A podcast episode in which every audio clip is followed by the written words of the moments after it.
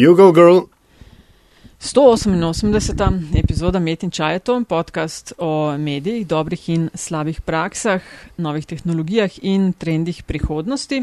Gosti v medijih delajo, z njimi živijo in o njih razmišljajo, gostitelja pa sva Aljaš Pengov Bitenc in Nataša Briški, eden Radio Chaos, druga Metina lista. Komentarji in predlogi, kot vedno, dobrodošli na infoafna.metina.si, sicer pa zaljažem, redno spremljava tudi ključnik Met in Čaj. Aljaš, pozdravljen, kako se imate v Luksemburgu? Vedno bolje, vedno bolj razrahljano. V, vreme? Netipično. Kar pomeni, da je sonce. Tako je. A veš, da tudi pri nas, uh, je, meni se zdi netipično, ne se si ti ujel vremenarja. Piha, meni se zdi, da dva meseca že piha, piha, piha. To so vetrovi sprememb, Nataša. um, tudi o tem, evo, bova govorila v tej epizodi. Uh, super gosta imava, ki je z nama že bil hu, par let nazaj, se se ne spomnim več točno kdaj. Uh, Rok Kajzer. Rok, zdravo. zdravo. A se ti spomniš, da si bil pišel, kaj oprosti? Um, ker vem, da si takrat, če bil v drugi službi, boš vse to povedal, pa bil si dost frišen še iz Tako Zagreba je. doma, Tako. se mi zdi. No. A vidiš, kakšna razlika par let naredi? Ja. um, ok, še preden uh, se lotimo pogovora čisto za res, uh, lepa hvala vsem, ki podpirate vsebine na metini listi v vseh oblikah ali uh, delite na povezave na naše vsebine, na podkaste ali pa uspete morda celo primakniti kakšen kovanec ali dva v naš šparočok. Tako da res hvala in pomaga, da lahko uh, toliko enih vsebin ustvarjamo in tako redno. Uh, rok, zdaj pa, uh, ali ja, šla je čist na začetku, da še ti kaj povej. Ne, ja, Ful dobro je, da imamo video zdaj, zdaj gledalci oziroma poslušalci in poslušalke ne vejo, zdaj pa lahko jaz to gledam. Ja, ti lahko gledaš, jaz, je, mene radico je pa tok, to se temu reče, um, disconcerting, da sem lepo znižal, zminimiziral okno in zdaj spet gledam uh, amplitudo na snemalniku, kako gre. Tako sem bolj navajen. No? Ampak kakorkoli, ja, um, mogoče bomo pa kdaj kakšno video epizodo naredili zdaj v teh koronskih časih, ne? ali pa v, ja, naslednj, v naslednjem lockdownu, drugi val, s katerim nas strašijo. Ne? To je zdaj ful, ful, ful priljubljeno. Uh, pa mogoče je ta video za razmisliti, veš zakaj tudi tale, ta drug na en podcast, LDGD, da bo manj prekinjene, ker se bomo videli, kdaj bo kdo hotel uletavati. Ja, pa, bo, pa bomo hoteli, veš, skozi kamero enega drugega zakravati, kako lahko rečeš. Um, ok, dosta tega, zdaj pa res met in čaj, uh, rok Kajzer večer. Rok, vedno začnemo uh, met in čaj tako na, na podoben način in sicer, da se gost oziroma gostja predstavi. Um, v zadnjih nekaj letih, kar smo se na zadnji slišali, se je tvoja karjerna pot tudi malenko spremenila, pa za tiste, ki mogoče te ne poznajo dobro, da nas. Uh, v par stavkih sprehod skozi tvojo medijsko kariero. Ja, imaš prav. Jaz se sicer ne bi s tabo povsem strinjal, da se je malo spremenila, se je spremenila kar precej. Je pa, res, okay. je pa res, da sem se vrnil na kraj zločina. Skratka, jaz sem novinarsko pot uh, začel na večeru in od tam me je uh, moja novinarska pot odnesla na delo. Iz, z, bil sem delodopisnik v Zagrebu 8 let na to pa urednik in novinar na delo in po lasniških spremembah na delo smo nekako ugotovili, da nismo kompatibilni in se rašli. In kmalo za tistem je prišlo povabilo z večera in evo, od leta 2017 na večeru urednik sobotne priloge in neuradno tudi urednik tega lista naše satirične priloge. Zdaj, če je to dovolj, lahko povem še marsikaj drugega, ampak. ne, za začetek bo dovolj. Dokler, po... dokler še bo ne, ta leto telest, ker to so bili neki, neki pritiski, ne zadnje čase sem bral po Twitterju, da kaj, kaj je bilo že treba zmanjšati. Uh, En minister, ki ima neki z enimi maskami, neki spotaknjen. Ja, en, enemu ministru, najprej smo domnevali, da je minister izjemno duhovit, ker je bila takšna dvoumna pripomba in smo se jo najprej razlagali, da je izjemno duhovit. Ne? Na kar smo malo tuhtali in tuhtali in opazovali reakcije, in se je ugotovilo, da minister ni duhovit, ampak je globoko užaljen. In to je seveda stvar, ki se nam zelo, zelo pogosto dogaja. kaj, pa bilo, kaj pa je bilo sploh? No, pa za, pa mogoče, če smo že pri tem, možeš tudi malo povedati, kaj to ti listi ja. je za tiste, ki mam, niso bili rojeni. Mi, mi bomo imeli danes našega. zelo velike težave. Ne? Namreč, ker mi, jaz sem ravno kar štev, da smo v o, leta 2018, se pravi slabi dve leti, smo obudili toti list in če me kdo vpraša za kako številko nazaj, zakaj je bil tisti jezen, pa to, ker smo jih naredili že preko 115 je enostavno, se ne morem spomniti, včasih se dejansko tudi za teden dni nazaj ne spomnim, ker je pač produkcija uh, tako močna. Zdaj, minister, o katerem govorimo, pa je zagotovo smo imeli v obdelavi medicinsko opremo, to je zagotovo. Uh, Zdaj, zakaj točno je bil pa jezen, pa nisem pripričan. Je pa res, da je bilo to v zelo začetnih fazah tele, tele afere, ampak smo nekako, eh, mi rečemo, da na urinu začutimo, da se bo nekaj iz te zgodbe razvilo. In se tudi je, in je bil že, to, to je bilo, ni, ni bil nervozen uh, na splošno, že ker bi ta afera trajala, ne vem, deset dni, en teden ali karkoli, ampak so to bili res začetki. Zdaj bom pa odgovoril še na tvoje prvo vprašanje. To ti list. Toti list je v bistvu trenutno najstarejši izhajajoči satirični list v Sloveniji. Uh, gospod uh, Podkrajšek je ustanovil daljnega leta 1938 in pred dvema letoma smo praznovali njegovo 80-letnico. Uh, toti list je imel eno zelo, zelo težavno, težavno življenjsko pot, namreč vse skozi se mu, so, se mu je dogajalo ukinjanje. Ne? Prvič so ga poskušali ukiniti cenzori že v kraljevini Jugoslaviji, ker je bil izjemno svobodomislen in je nasprotoval takratni jugoslovanski in slovenski politiki približevanja nacistični Nemčiji. In ga so ga doživeli pač številne cenzure, številne prepovedi. Uh, in potem ga je seveda tik, ko so ga cenzori že skoraj dotokli in so ga prisilili, da se premenuje v novi toti list, ga pa je doletela druga svetovna vojna. Uh, kar je pomenilo še, še dodatna štiri leta prepovedi izhajanja in tudi po vojni se nekako uh, ni opomogel, ga pa je uh, Mariborska sekcija Društva novinarjev Slovenije v 50-ih uspela obuditi, ampak nažalost za zelo kratek uh, čas. Mislim, da se je že leta 54 ali 55 združil z Pavliho in kot vemo, tudi Pavlihe danes ni več. So pa večerovci, ki so vedno sloveli po cinizmu, po zajedljivosti in še takšnih simpatičnih lastnosti, ki so potrebne, seveda, za satiro, so ga nekje v 80-ih obudili in je izhajal kar desetletje, dva, tri, in potem mislim, da je leta 2014 je moral znova za štiri leta ugasniti. Ampak smo se ob 80-letnici odločili in točno na isti dan ponovno zagnali tale satirični list, ki mislim, da je edini trenutno v Sloveniji. Kar je škoda, ne? kar v bistvu kaže na to, da to ni lahko delati, to je eno. Uh, hkrati, da je kot takšni so te formati tako kar pod, podlež, podležejo uh, pritiskom z različnih strani. Ne? Tako, fajn bi bilo, se mi zdi, da se zdravje družbe meri tudi po tem, koliko je tega prisotnega ali pa na voljo. Absolutno, ne se pravim, se ne gre v bistvu samo, samo za satiro, ne? ti satirični listi so gojili še vrsto drugih izjemnih stvari, kot je karikatura, kot so stripi, kot so risbe in to, ne, kar, je, kar je v bistvu praktično popolnoma izginilo iz, eh, iz tiska. Ne. Zdaj, recimo, ne vem, mladina še kar zelo močno goji strip, zelo močno goji risbo, karikaturo, pa to, ampak takšne vsebine so se, se počasi umikajo. Ne. Včasih ga ni bilo časopisa, ki ne bi imel karikature na naslovnici, danes, če pogledamo naslovnice dnevnikov, karikatur ni, so se omaknile v notranjost. Ne da bi pa govorili o sebi. Mm. Kaj pa marketing hoče, prime space, ali kako je ja. to? Ja. A, kaj, pa, kaj se hoče reči? Tisto, kar mene bolj pri tem listu fascinira, ne, je, da ste ga obudili. Mogoče je to samo primer slabega tajminga ne, in zato zdaj švicate. Ne, e, da ste ga obudili v času, ko, satira, ko ste satira in ironija mrtvi, ne, ko, ko, ko si ne moreš zmisliti tako.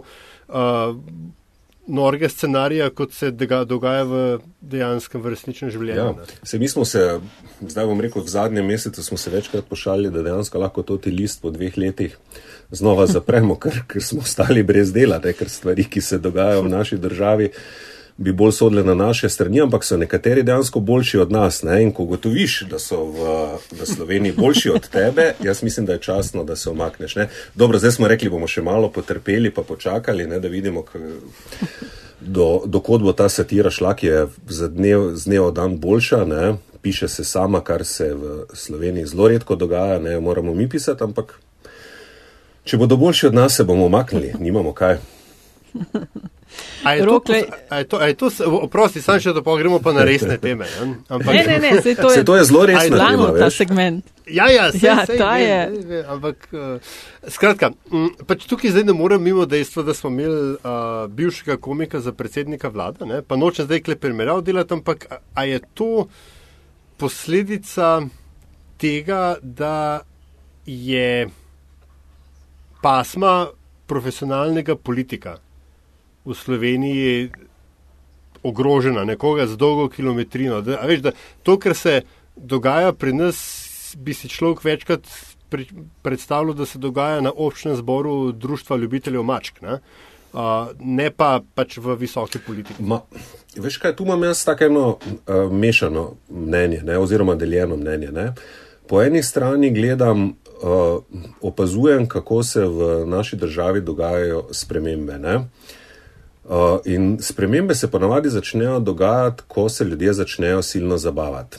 Ne? In to je vedno dobro. Recimo, vem, uh, jaz sem opazoval recimo te znamenite mariborske proteste v letih 2012, uh, uh, ki so se začele res z izjemno kreativnostjo, z izjemnim humorjem, z šalo. Ne? To je bilo pometimo ga vun, ne vem, nesimo ga vun. Skratka, bilo je nekaj neke take uh, šaljivosti in humorja je bilo zraven in v bistvu iz tega, iz teh, bi, bi rekel, enega heca in neke pozitivne energije in dajmo, tako kot je recimo zdaj to kolesarjenje, kot, kot je bil tisti golf pred parlamentom, ne iz takih izjemno kreativnih, šaljivih, domiselnih stvari se vedno zgodijo spremembe. Ne?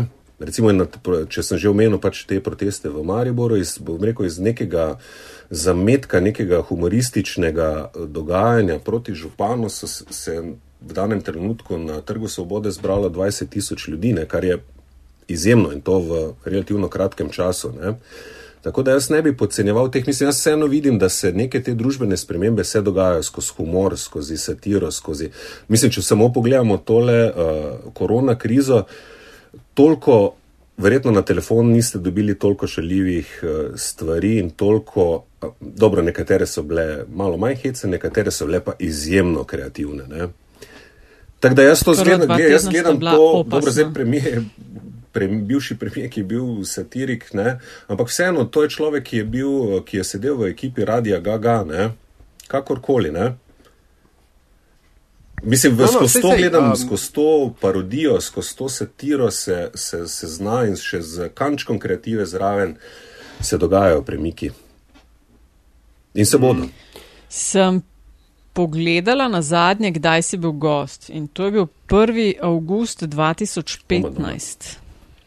Tako da ja, pet, pet let, za pet, pet let, let ko smo naredili. Zgodilo. Ja.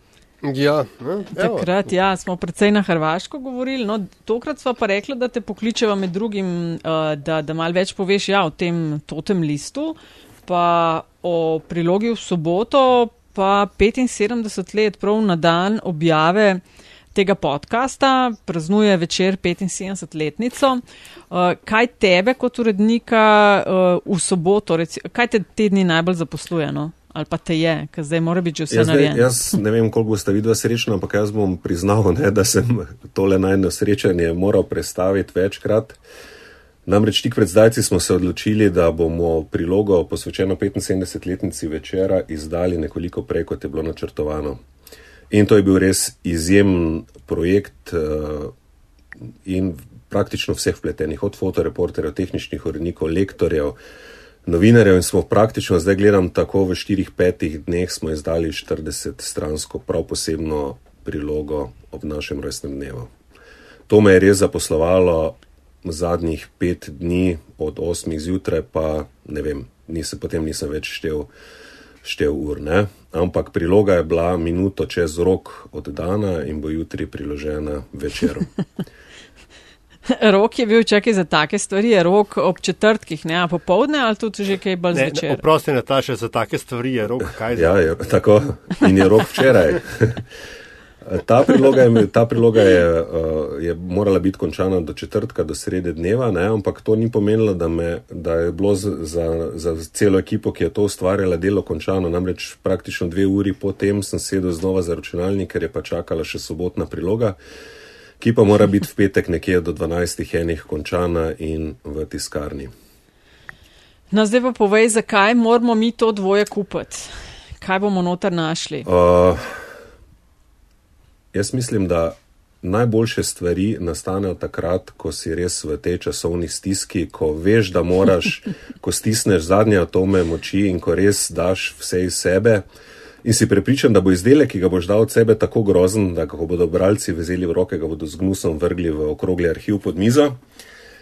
Ampak prvi odzivi, zaenkrat seveda samo kolegov, ker uh, to bo, na, to bo šele prišlo na mizo oziroma v nabiralnike in v trafike, so, kolego so izjemno, izjemno pozitivni. Ne? Meni se še vedno, meni se še zdaj se mi zdi grozno, da smo zdaj to morali tako hitro narediti, ampak eh, te potem te stvari po, potolažijo. Ne? Skratka, gre za to, da, ne, kot je Nataša rekla, večer uh, praznuje 75 let, ker je prva številka izšla 9. maja 1945. Tako. Na dan, ko nekako velja, da je nacistična vojska v Sloveniji kapitulirala. Ja, zani, uh, anekdota je tudi, da je še v bistvu. Pra, Zdaj, če bi govorili v, v urah, bi lahko rekli praktično isti dan, ampak se, seveda je bilo to prej. Uh, dan prej je išel še uh, nacistično glasilo uh, Štajerske domovinske zveze in naslednje, naslednji dan je išla ta prva številka večera, ki sicer še ni nosila tega naziva. Ne? je pa na, no, nasila naslov Maribor Svoboden. A boste imeli kakšno ob tem, ok, malo posebni časi so, ne, pa um, ste mogoče mogli prilagoditi, ne, gotovo ste mogli prilagoditi uh, program, ampak a so bile planirane kakšne fešte, a bo zdaj kaj zaradi tega, kaj online? Ja, se to prilogo, to prilogo ne samo, da jo bomo, da jo bomo pač priložili v sobotni časopis, oziroma smo jo, uh, je bilo seveda, so bile planirane stvari, ampak uh, zamrlo je vse pred mesecem in pol, ne? žal. Ne? Se pravi, da bomo morali dejansko to, jaz sem optimist, uh, da bomo mi to čez pet let proslavili ob 80-letnici večer. Ne? Zaenkrat bomo pač morali nazdraviti uh, samo s kolegi v redakciji ne? in z vsemi delavci, ki, so, ki ustvarjajo večer vsak dan, tako da to je žal žal ta resničnost. Ja. Dej povej, Rok, kako ste se na Štajerskem v Mariboru, a ste se držali priporočil, kako so ljudje sprejeli te omejitve gibanja, ne druženja ali pa manj druženja, pa samo v družinskih krogih? A je to tako bilo tako kot eh, drugot, mislim, povsem enako kot povsod po Sloveniji, ali je folk imel malo več težav, ker se nisi smeli družiti? Jaz sem vsak dan šel v službo, skoraj vsak dan. In jaz moram reči, da tako izjemne, izjemne discipline, oziroma upoštevanja praktično vseh priporočil. Jaz sem bil izjemno presenečen. Ne, Maribor ima vedno tisto malo, malo inata, malo uporniškega, pa ne bomo mi zdaj to, ampak moram reči, da je mhm. bilo to izjemno in, in mene izjemno jezilo in žalostilo. Ko, se začele, ko, se, ko se je v bistvu začelo kaznovanje državljanov. Ne? Jaz sem opazoval Maribor, ki je bil izjemno discipliniran. Ne? In zaradi neke ekscesa, ne vem, na bledu ali pa na obali obravnavati oziroma kaznovati ljudi, ki so bili, ki so res sprijeli te ukrepe za svoje, so se jih držali. So, se pa je upor, mislim, upor, upor. Se je pa začelo seveda takrat, ko, ko, so, ko je to prihajalo kot kazen, kot vi niste bili pridni, kot, ko se je začelo ljudi obravnavati kot male otroke. Ne? Takrat pa se, pa se je začutila ta, ta jeza in tam, tam majhen upor je že začel tlet. Ne? Mm. Nekaj mi povej, rok, um, da se vrnemo nazaj na tvoje remek delo. Katero? Kaj si se. Lepa. A, na um, pač pregled večera, ne, 75 let. Kaj si se pa ti v svojem sajtu naučil, ko si tole sestavljal? O večeru, kaj sem se naučil? Veliko. Ja. Kaj si zvedel? Kaj si zvedel? Veliko zveš, bilo je. Vse o svoji časopisni oziroma medijski hiši veš veliko, ne? ampak ko vseeno greš gledati, kaj so pred tabo ustvarjali, enostavno se moraš pokloniti. Ne? Recimo, naredili smo pregled, uh, fotoslužba je pripravila pregled uh, fotografskih fotografij, uh, ki so bile objavljene skozi leta v večeru in vidiš, da so ta časopis ustvarjali izjemni fotografski mojstri. To, to so že umetniki. Ne? Na kar smo pogledali, recimo objavli, uh, objavljamo uh, najbolj znamenite večerove naslovnice. Te danes gledajo pod narekovaj, seveda češko, ampak so bile pač primerne uh, času in tehnološkim zmožnostim. Ne? Da vidiš, da je časopis pokrival vse izjemno pomembne slovenske in svetovne dogodke, izjemno profesionalno. Ne? Uh, dali smo prostor, recimo, nekdanjim novinarjem in urednikom, za katere še vedno vidiš, da da dihajo in čutijo oranžno, ne se pravi, v, oranžna je večerova barva. Uh, in kar je bilo meni v teh dneh še posebej fascinantno, mi imamo kar veliko ljudi na čakanju, ekipe so izjemno zmanjšane, ampak ko sem klical ljudi, če bi vseeno stisnili še zadnje atome moči, pa napisali za to posebno prilogo, niti en ni rekel, utrujen sem, ne morem, oprosti. To je bilo res fascinantno. V prvi sekundi je bilo, ja, koliko rabiš, dokdaj rabiš in to je pa. To je pa ena tistih lepih stvari, zaradi, katerega, zaradi katerih z veseljem greš zjutraj v službo. Ne? To je bilo pa res fascinantno. No, tako kot si na začetku rekel, se je tvoja karijera v zadnjih letih v precejšnji meri spremenila, uh, tudi fizično ne izlobljane v, v Maribor. Uh, Dej mal povej, ker začel si na večeru, pa potem si šel, delo je veljalo za. Ja. Uh, osrednjo hišo, največjo, najmogočnejšo, z najbolj razvejanim uh, uredništvi, dopisništvo in tako dalje. Ne? Zdaj si pa, uh, si se vrnil tam, tja, kamor si začel. Ne?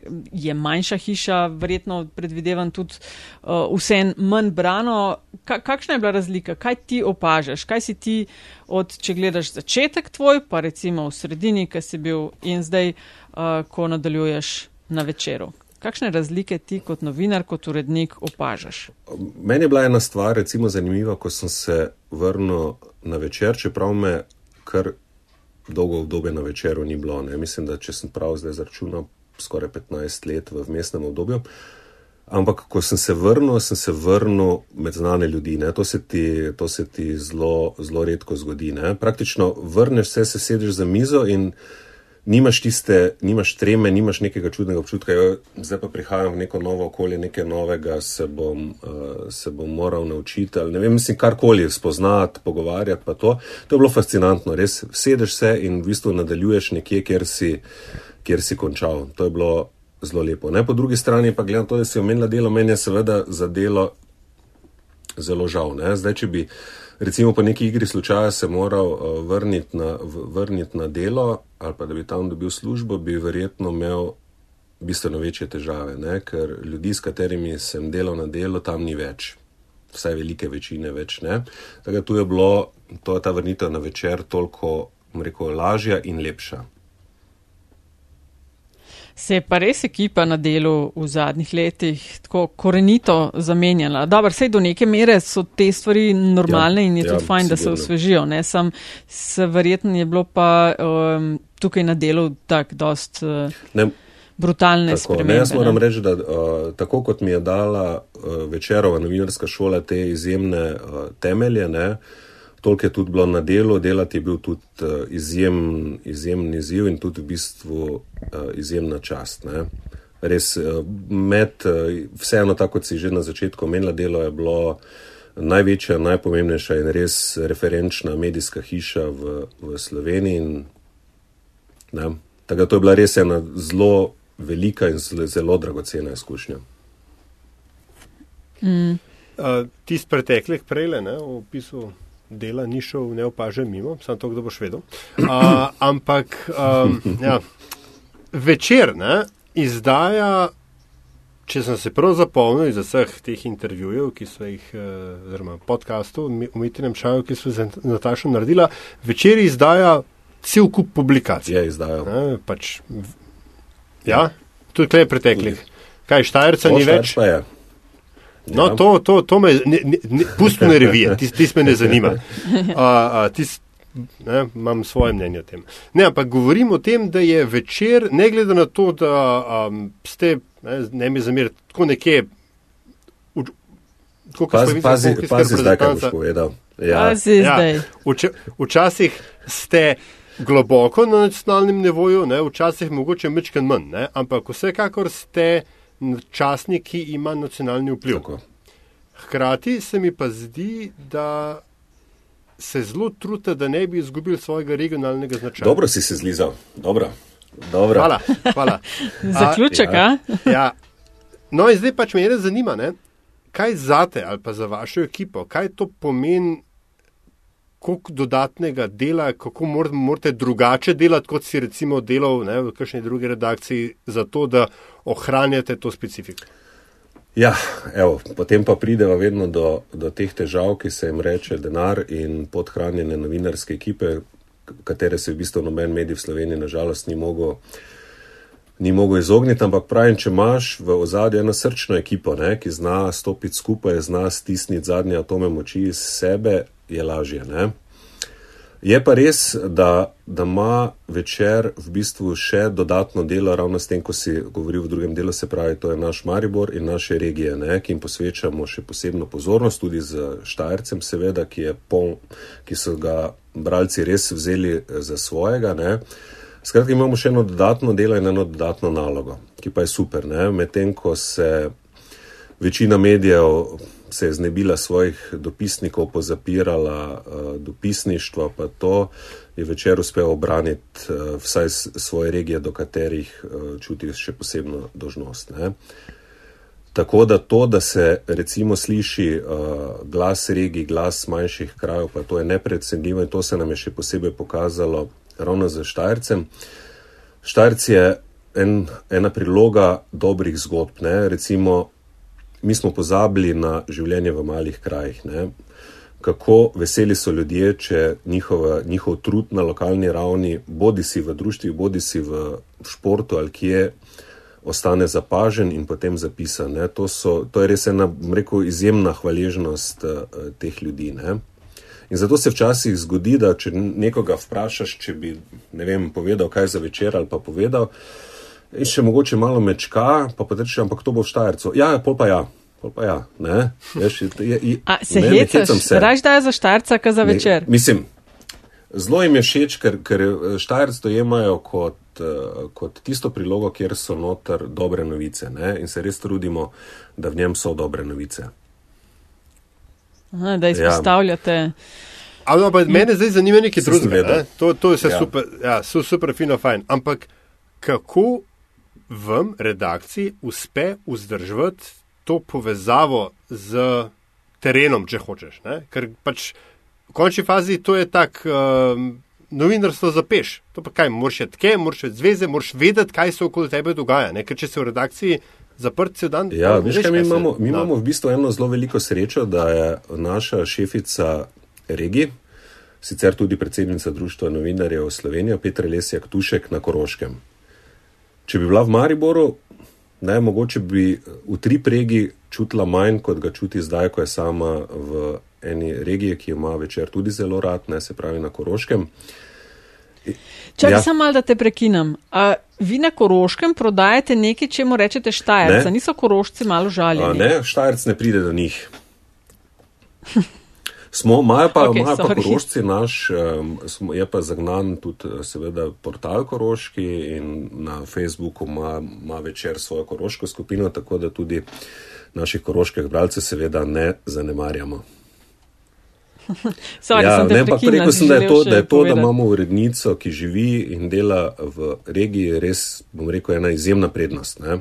ker res zna začutiti uh, utrip tistega, kar ni v centru. Se kaže, se kaže to, kar v mednarodnih odnosih, ki si jih spremljal kot dopisnik iz Zagreba, ne, da seveda z novimi medijskimi orodji, sredstvi, vsi smo tako rekoč lahko kjerkoli, pa, pa, pa veš, nismo. Pa nismo ja. Če fizično nisi prisoten, lahko vse knjige, vse novice tistega sveta o tistem prebereš, pa ne to gre. ni isto, kot če tam si in ne vem, 3D, slišiš, vidiš, otipaš, poslušaš in Tako. ne vem, kaj še ne.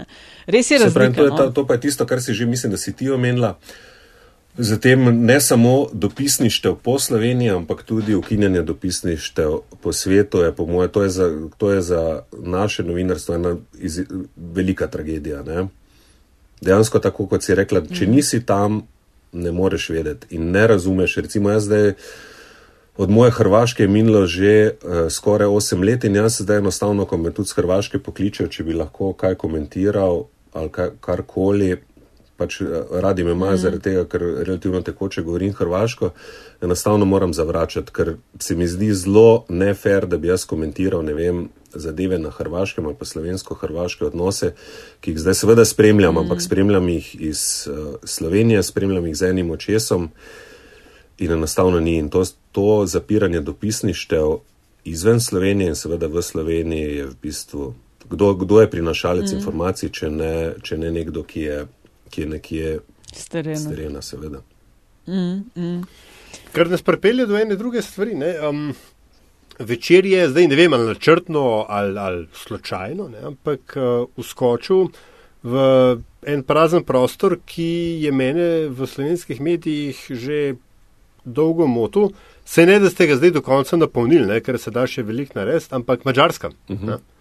Uh, Urška Mlinarič, ki dokler sem bil jaz še na terenu, sem tudi včasih delil kakšno konferenčno sobo z njo, je, se mi zdi, postala nekak go-to vir ne, za dogajanje na mačarskem. Um, A je bilo to slučajno ali je pač vendarle končno nekdo rekel, gledaj, tam je pa ena velika črna luknja, ne, vzhodno od, od prekmorja. Ja, vidiš, vse to ti pravim, Urška je, sicer, Urška je sicer v Ljubljani, ampak uh, izhaja iz uh, te regije, skratka so te stvari Tako? izjemno blizu, pozna ljudi, ne, pozna, uh, mislim, če si ti z, z svoje regije, poznaš stvari, ne, tudi če nisi fizično, uh, fizično tam. Ne.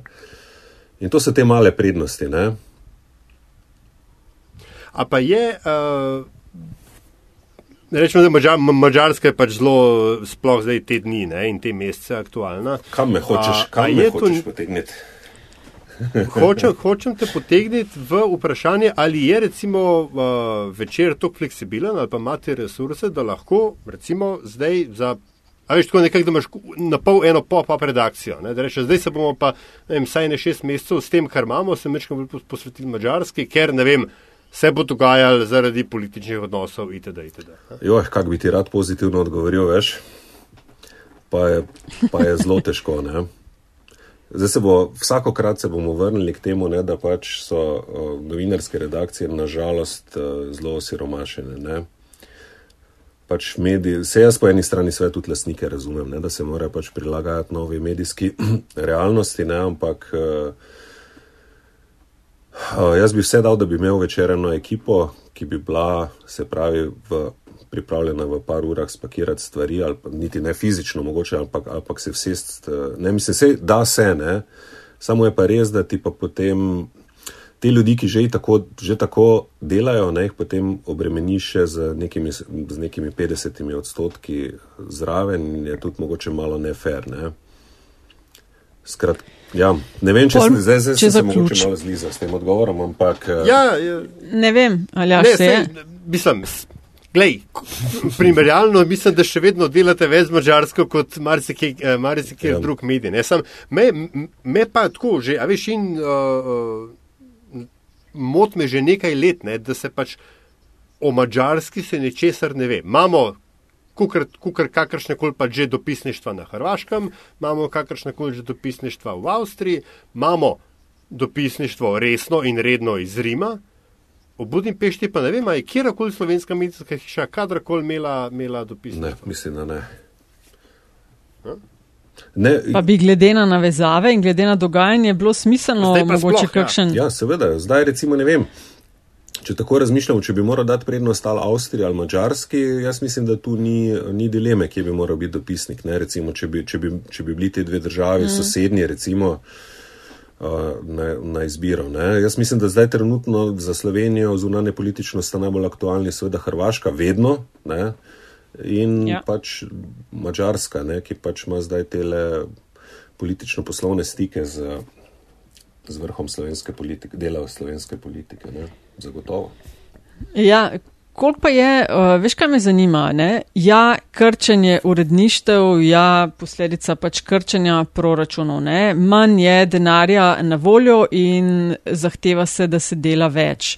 Uh, koliko je po tvojem posluha za ta hardcore fact-checking, preverjanje dejstev v medijih. Ne. Večkrat smo že delili in tudi v metinem čaju govorili o tem, koliko je kaj učinkovito oziroma da ni dovolj samo to, ne, da če nekdo ne vem, laže, pa manipulira, pa teorije zarote širi, da ne deluje samo, da pol se pojavi nekdo drug, ki z dokazi A, B, C, D, ne, to ne drži, ker. Koliko je posluha po tvojem, tudi pr, ne vem, ste poslušali, poskušali kdaj kot večer, kot medijska hiša pridobivati sredstva tudi skozi kakšne, ne vem, razpise, sodelovanja za to, da bi delali takšne zgodbe. Ne.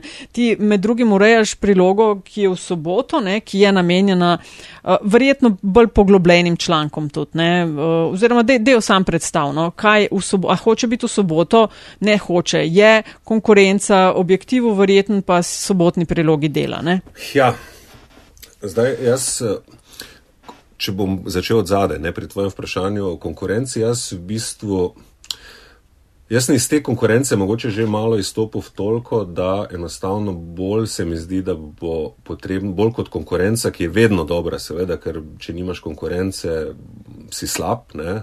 ker vedno, vedno iščeš neke izboljšave, ampak bolj iščem to v, neka, v neko zavezništvo. Ne? Uh, Tri dnevnike še imamo, ne, tri, tri dnevniki so in verjetno bodo v težavah, tako da jaz tu niti kot konkurenca ne gledam. Ne. Večer imam mogoče še to specifiko malo, da se verjetno skupnih bralcev ni zelo veliko. Ne. Tako da tudi recimo, če se kdaj imamo istočasno intervju uh, z objektivom ali pa z uh, prilogo v sob, uh, sobotno prilogo dela, jaz s tem nimam, nimam več nobenega problema ali pa da bi moral kogarkoli prehiteti pa to. Ne. Se pravi, jaz mogoče malo bolj merim to potem, kakšne odzive dobivamo. Ne. Zdaj bo seveda slišati zelo prevzetno, ne, ampak dobivamo od uglednih ljudi zelo veliko pohval. Ne. Jaz ne vem, mislim, da smo. Da smo trenutno se... mogoče celo na prvem mestu, po, ono, ampak jaz se mogoče tem stvarim skoraj skor raje izognem. Ne? Vsaka sobotna priloga uh, ima nek svoj koncept, uh, svoj način. In... No, kakšen je tvoj koncept? To, ne tvoj, pač vaš koncept. Naš koncept je, kar, kar zadeva sploh sobotno prilogo, ta trenutek mislim, da je predvsem to, da, uh, da se počasi spet ali pa zelo hitro vračamo nazaj uh, k politiki, ki smo mislili, da mogoče je že čas, da jo malo post, uh, da damo na stran, pa se posvetimo mogoče drugim temam, kot so okolje, družba in teh stvari, ampak kot sama vidite, ne, politika se nam vrača. Ne. In uh, tudi smo opazili, da so uh, politični članki izjemno brani. Skratka, ljudje, še vedno, ko smo mislili, že, da so se vam mogoče te politike naveličali da ne morejo več videti, še vedno si želijo političnih člankov, političnih komentarjev, političnih uh, analiz. Ne? Tako da mogoče tu se mi zdi, to bi bila mogoče taka ena prva, prva konkurenčna prednost, ker res poskušamo biti uh, aktualni. Ne? Za tisti teden, ne? se pravi, ta naša notranja politična ekipa v Ljubljani je zelo veliko krat napadana z moje strani, ker jih pač želim, uh, želim imeti, bodi si aktualne intervjuje, bodi si aktualne politične uh, analize. In zdaj sem prišel v trenutek, ko bi moral nadaljevati, pa ne vem, kaj si me na začetku vprašala. Fact-checking. Ja, to, to, to preverjanje dejstev, koliko je posluha za to, koliko je denarja za to. Vi ste zraven, lansko leto smo recimo imeli evropske volitve, vi ste tako dve minuti stran od meje, tako rekoč, ne, uh, velik poslo je vezanih za Avstrijo. Skratka, ne, v tem kontekstu, no, ker mi dva zalažen sva v letošnji sezoni metinga čaja, posvečava tudi uh, dele metinga čaja temu, kako imajo v posameznih redakcijah ali pa kako novinari, uredniki gledajo, uh, gledajo na to, kako se s tem spopadajo, kje dobijo denar, kje zgodbe, kje leži so jih najbolj motle in tako dalje. Tako da ja, kako s tem pri ja. vas handlate? Handlamo, kaj bi jaz rekel, mogoče srednje dobro, ker zdaj me boste seveda spet ubila, ker bom govoril o kadrovski podhranjenosti medija, ampak bom se tu ustavil in ne bom nadaljeval. Ne, ni, ja. ni treba, kar to na glas pove, ker to je ne, problem. Ne, uh, kar, ja. zadeva, kar zadeva podporo temu, to mislim, da ni nobene dileme. Skratka, če. Uh, zaznamo zgodbo ali pa zaznamo karkoli, kjer bi bilo potrebno seveda ta dejstva preveriti, jih umestiti, uh, razkrinkati, karkoli, podpora je tu eh, stotstotna. To, to je dejstvo. Ne? Uh, je pa res, da pač tudi za večer, tako kot za ostale medije, pač ta fact-checking nastopi, bom rekel, zlato, zlato obdobje, so seveda predvoljivne kampanje. Ne? Kar toliko leži in toliko manipulacij, kot se pa zloži v tistih nekaj tednih, to je zlata jama. Skoraj ni, skoraj ni izjave, ki, dobro, nekatere so. Ne? Kot, rekli, kot je rekel znani hrvaški politik Adrija Hebrank, jaz nikoli ne lažem, ampak včasih ne govorim resnice. Ne? In to je približno tudi tole obdobje uh, pred volitvami. Seveda na dan prihajajo zelo različne zgodbe, včasih nas tudi prehitevajo in je pač treba, bom rekel, usput tele uh, fact-checkinge seveda delati. Ne. Bi si pa, kot, ja. pre, kot smo govorili prej o eni posebni skupini, ki bi se lahko zagnala v, v takoj v kakšne afere, pa to je tudi, bi bila seveda tu moja želja, da bi imeli koga, ne, se to je pa mogoče dovolj en človek, ki bi res. Uh, spremljal zelo natančno dnevno dogajanje, znal izluščiti tiste zgodbe, ki bi bilo treba še posebej razsecirati ne, in to tudi naredil. V bistvu večer rabi svoj preiskovalni urad. Ne. Ko ste imeli županske, se mi zdi, da je tudi kar farlelo o tem, kdo je kaj rekel, pa kdo ni. Uh, ko so bile evropske, a, a ste spremljali evropske volitve? Tudi, kaj, vse vse. No. no, le, župane, a, a župane je, pa še posebej med, radi. A je med kakšnimi od teh volitev bilo kdaj še več? Uh, še, še, ve, še več plevela no, in je bilo vaše delo še težje. So bile evropske še večje poplave laži ali se to kaže še vsem našim ljudem, kot da je to nekaj ja. tam daleč stran, nekoga pošljemo pa pol pozabimo. Jaz mislim, da je tudi, mogoče imamo včasih tudi mediji sami malo nepravičen odnos do, do evropskih volitev, ne? ker pač si vedno predstavljamo, da mi zdaj poš, pošiljamo te drobtinice v tisto veliko vrečo moke v Bruslju, ne? Ker, se bo, ker se bodo te drobtinice zgubile. Ne? Če samo pogledamo velikost, uh, ambient Evropskega parlamenta, ne, kaj bodo zdaj tile naši tam sploh lahko dosegli. Jaz mislim, da smo mogoče malo včasih tudi preveč krivični in se fokusiramo na, na notranjo politiko. Ne. Ampak vidimo, glede na vse burne dogodke v Evropski uniji v, ča, v zadnjem času, ne, smo mogoče res včasih malo preve, premalo osredotočeni na zadeve Evropske unije. Ne. In se mi zdi. A ljudje tega ne berejo? A je to zato, ker ne berejo? Pa, ker si rekel, a veš, politiko spet vračate na, na full shoes, ker ja. očitno ljudi to zanima. A to ljudje, ljudi ne zanima? Ne vem, jaz, jaz nisem prepričan, da jih ne zanima. Ne? Jaz mislim, da če bi, uh, recimo, ne vem, deloma, deloma izvrstnega dopisnika Petra Žerjaviča, v, bivšega večerovca, seveda, uh, v Bruslju ne, in če imaš na, na takem položaju, na dopisništvu, spet smo se vrnili k dopisnikom, ne, uh, izjemno dobrega novinarja, potem sem prepričan, da, da in ki zna ljudem predstaviti uh, te zgodbe, potem sem prepričan, da bi to ljudje brali in berejo. Hočeš reči, da boste Žerjaviča odkupili od dela? Ne se vem, uh, ma, jaz imam občutek, da to je zdaj pol v šali govorim, pol v šali ja. govorim da, se na, da se nas delo uh, malo boji. Uh, potem, ko so ob novem letu odpovedali sodelovanje z izjemnim karikaturistom Markom Kočevarjem, smo ga mi ne mudoma, bom rekel, ukradli in ga dali v toti list ne? in ga izjemno obogatil. Ne? In sem slišal tako iz enih šeste, šestih, eh, šestega hodnika, kako nam vse to uspeva. Da, kar gre dobrega z kakega medija, gre, gre na večer. Tega to je tako. In to pa moram ti nekaj reči, sem tudi jaz že večkrat slišala, je do mene prišlo, koliko so pa tega oni dobili. Ne? Ker včasih je bilo, ne vem, najprej delo ja. vse pobral ali pa so sami trkali na vrata, da so prišli. Ne?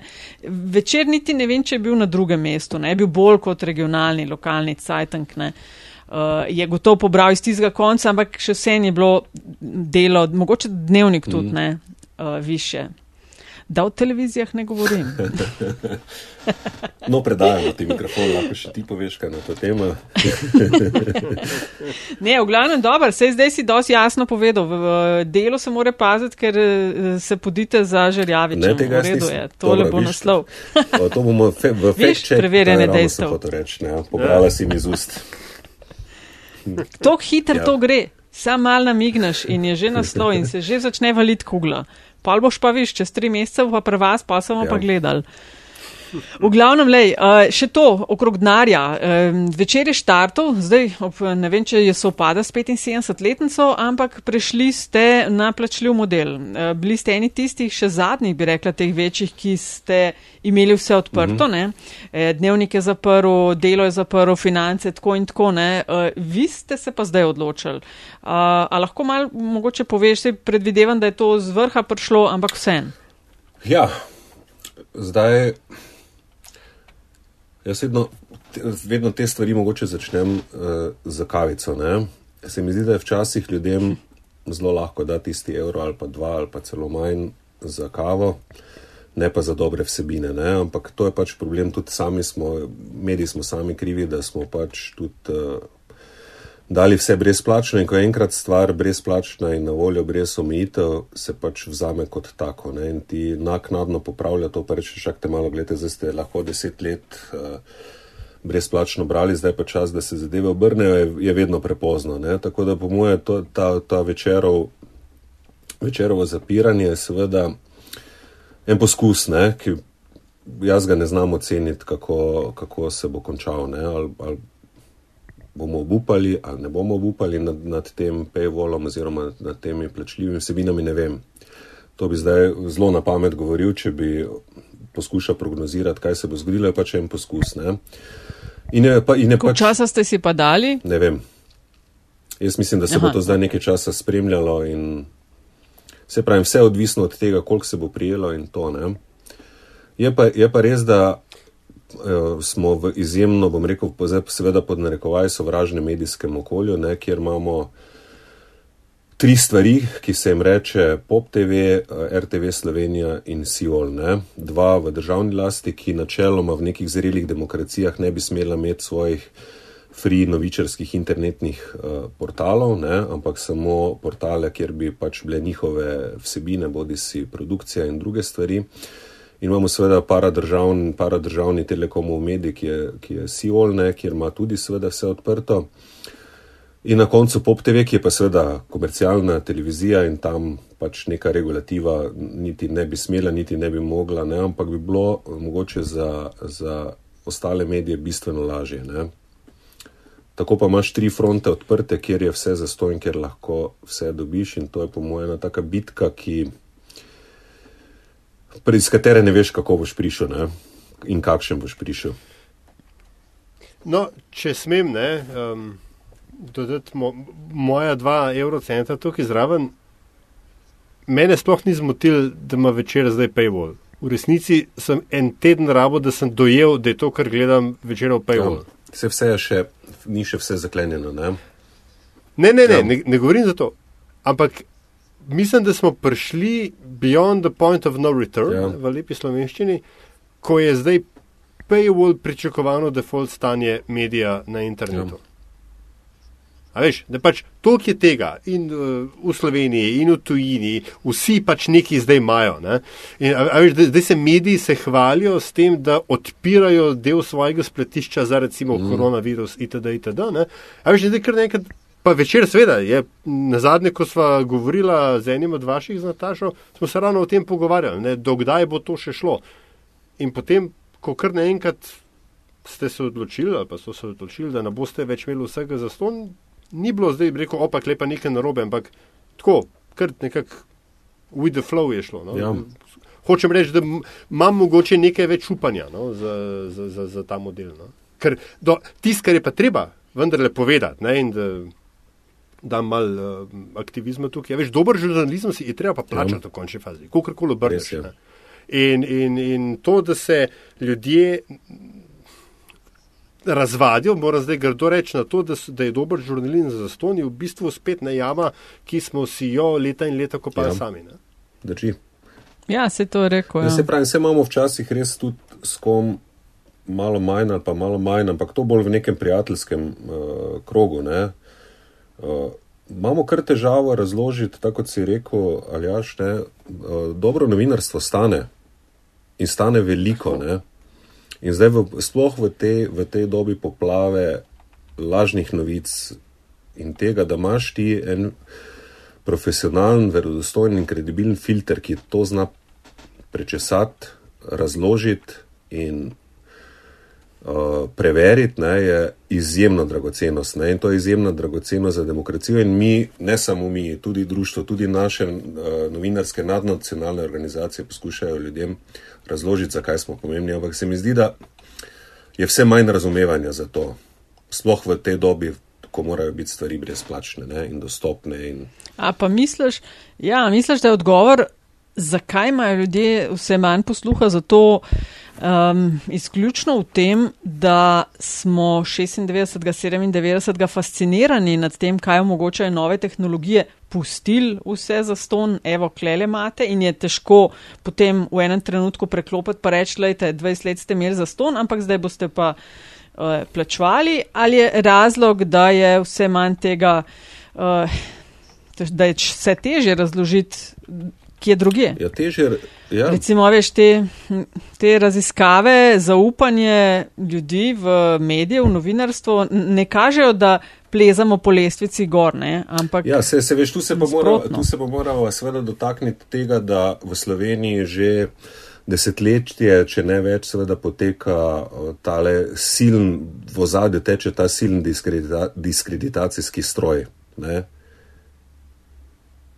Mm. In, to, in tudi to je seveda, deloma, deloma seveda zagotovo to, naša, začelo se s to našo fascinacijo nad, seveda, nad novimi tehnologijami, novimi zmožnostmi širjenja naših novic, ampak po drugi strani smo pa v konstantnem tem pod, podvaljerjem. Ne? In se, če ti, se, ne, se to so že, ne vem, ali so iz katerih priročnikov, je to ali ameriških, republikanskih ali mogoče celo iz najtemačnejših obdobij evropske zgodovine, ampak to so by the book priročniki, dela se po teh priročnikih, mm. ne, kjer prav vidiš, ne, da ta stroj zadaj melja in diskreditira novinarje na vsakem, na vsakem koraku in medije. Ne.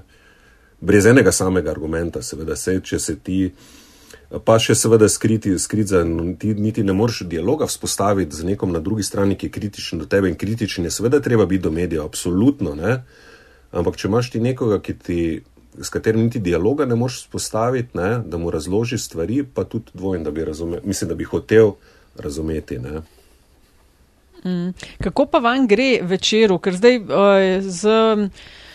Eh, novo vlado je ta bitka z mediji eh, zelo očitna. Ne? Najbolj se mi zdi, po tem, kar jaz opazim, jo uh, pada po kolegih iz RTV-ja in kolegicah. Uh, ampak tudi večer se mi zdi, da ni daleč zadej, no? da ste tudi deležni kar uh, precejšnje gomile napadov.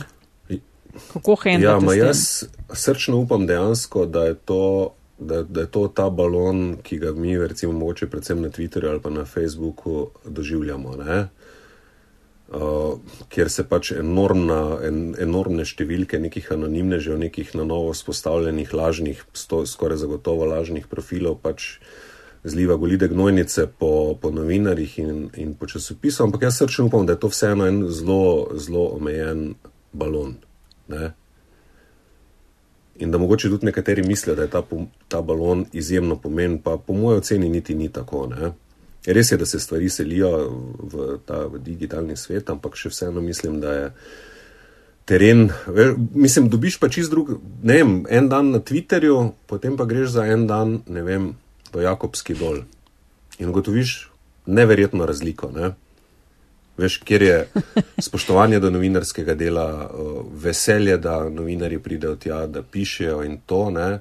Če se pa spet vrneš na Twitter, nazaj pa gotoviš, da si najmanj kriminalec, ne? ki te upravlja Milan Kučan in 37 tisoč podzemelj. Veš. Sem mislil, da je rekel 37 tisoč palčkov. Um, Mene zdaj bolj zanima, kje je Jakobski dol. Jakobski dol je blizu Maribora. Zelo luškana vasica. Ska... Ja. Moramo tja na izlet. Ja. ja. Kaj pa vidimo tam? Uf, marsikaj. Predvidevam, da v, uh, mislim, predlagam v pustnem času. Zdaj pa raziskujte. Če, če kjer je. Okay, bova takoj googlati. Bova priložila celo link. Uh, ali jaš, če nimaš kaj ne, dodati? Ne, mislim, mislim da, je, da je čas za zanimivost. Ja. Uh, ja, rok, hvala ti lepa za vse povedano in deljenje teh intimnosti iz večera. Um, zdaj pa za konec pa še zadnja. Ne? In to je vprašanje, ki je enako vsem uh, našim gostom in gostjam in sicer, da z nami delijo zanimivost, zgodbo, anegdoto, karkoli, lahko je povezano s, tvojim, s tvojo kariero, lahko nekaj povsem X, kakšno, kaj zvem, priporočilo. Skratka, uh, trenutek, ko ti deliš z uh, našim občinstvom nekaj, kar ocenjuješ, da uh, morda ne vejo, pa bi jih utegnilo zanimati. Oh, tako zanimiv pa tudi nisem, veš. Ampak, ampak se, bom, se bom pa vrnil na začetek našega pogovora, kjer smo omenili toti list. Ne? In s kolegom uh, Blažem, ki večinoma ustvarjava, ustvarjava toti list, moram reči, da ima včasih prav izjemne zabave, namreč deliva.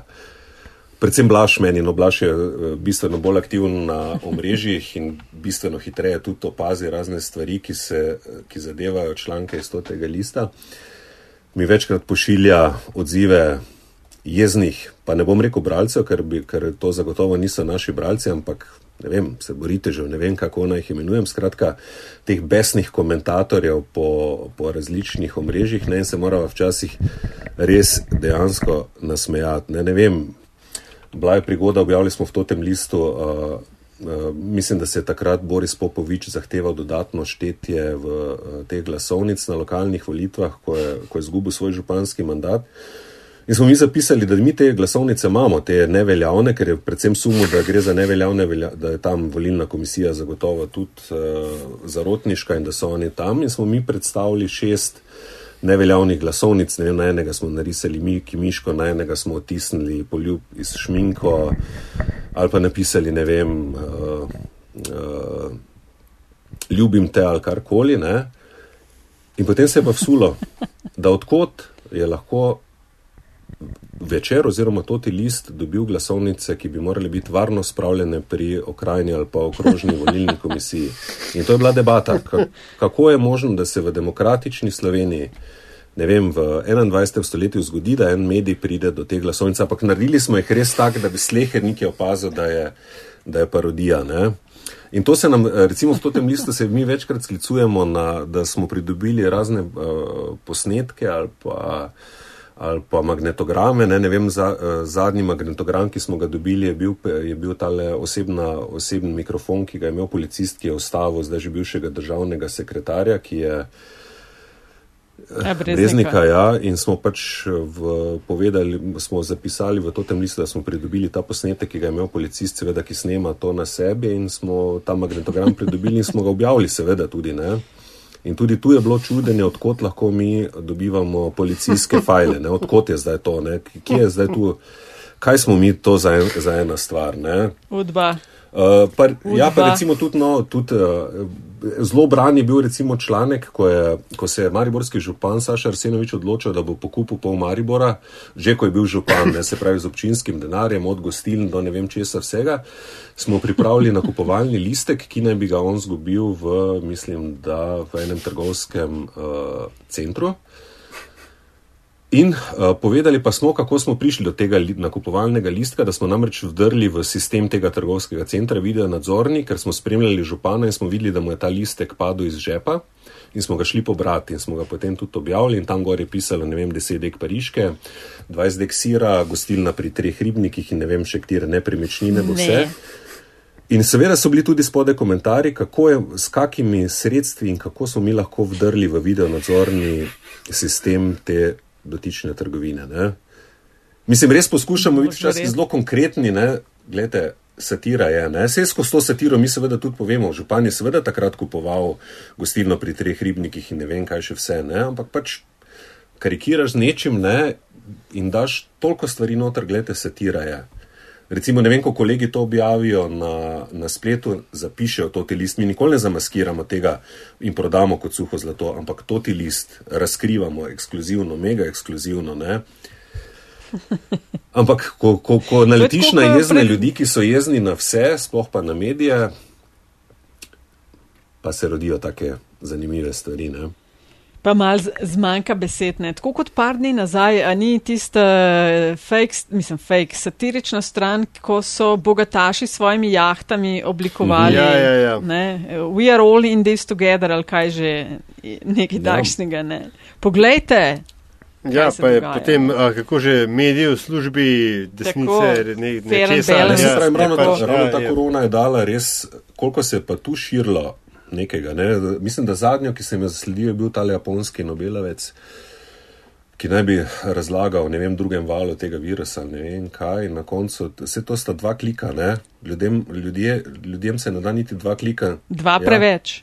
Vpišeš ime in napišeš virus zraven, in prvi zadetek je ponavadi fact-checking. Skratka, gospod Nobelovec ni izrekel v zadnjih dveh letih ničesar v povezavi z virusom. Ne?